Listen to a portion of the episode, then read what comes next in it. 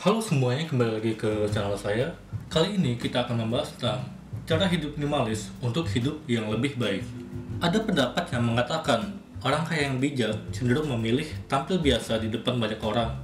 Sedangkan mereka yang sok kaya malah berusaha tampil serba glamor. Pendapat ini antara lain terlihat dari penampilan sederhana orang kaya dunia. Lihat saja Mark Zuckerberg, sang pendiri Facebook. Bajunya itu-itu saja tiap hari. Kaos oblong abu-abu. Di dalam negeri, ada Bob Sadino yang sudah meninggal. Ia selalu pede pakai celana pendek ke mana saja. Padahal beli celana panjang jutaan rupiah sehari sekali, dia juga bisa. Di sisi lain, banyak orang yang keblinger memakai kartu kredit. Tidak bisa dipungkiri, salah satu ukuran orang berada adalah punya kartu kredit. Namun kartu serbaguna itu malah jadi ajang keren-kerenan saja. Kenapa? Soalnya mereka tidak mampu memanfaatkan kartu itu hingga akhirnya malah kejebak utang kartu kredit. Dari teladan Zuckerberg dan Om Bob Sadino, bisa ditarik pesan bahwa cara hidup minimalis bukan soal tidak mampu, tapi untuk hidup yang lebih baik.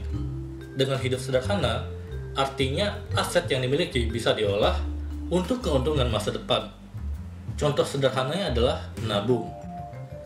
Buat yang berpikiran jauh ke depan, aset itu bisa diotak-atik di dunia investasi. Investasi bukan hanya milik orang-orang berdasi. Yang lagi kuliah juga bisa menyandang status investor, sebab sudah banyak bentuk investasi yang ramah untuk pemula. Misalnya reksadana. Selain itu, dengan hidup minimalis, kita juga bisa lebih bebas dalam hidup sehari-hari. Bebas dari apa saja? Yang pertama, bebas dari beban pikiran. Kalau punya banyak benda berharga, otomatis kita perlu memikirkan perawatannya juga. Masa iya, sudah beli mahal-mahal terus ditelantarkan begitu saja? Nah, barang mahal tentu perawatannya juga mahal. 2. Bebas dari utang. Seperti disebutkan tadi, hidup glamor memerlukan biaya tinggi. Iya kalau biaya itu lunas dibayar cash. Kalau lewat kredit tapi lalu kejepit, siap-siap menanggung utang selangit. 3. Bebas dari cibiran orang.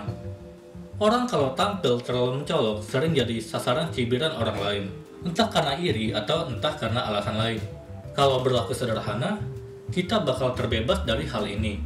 Cibiran ini bisa berujung konflik. 4. Bebas dari nafsu boros. Tuntunan hidup wah bisa membuat iman keuangan kita goyah. Sudah tahu duit mepet, tapi begitu ada barang keluaran baru, tetap dibeli juga. Ini namanya hidup untuk dikontrol duit, bukan kita yang mengontrol aset itu. 5. Bebas dari masa depan kelam.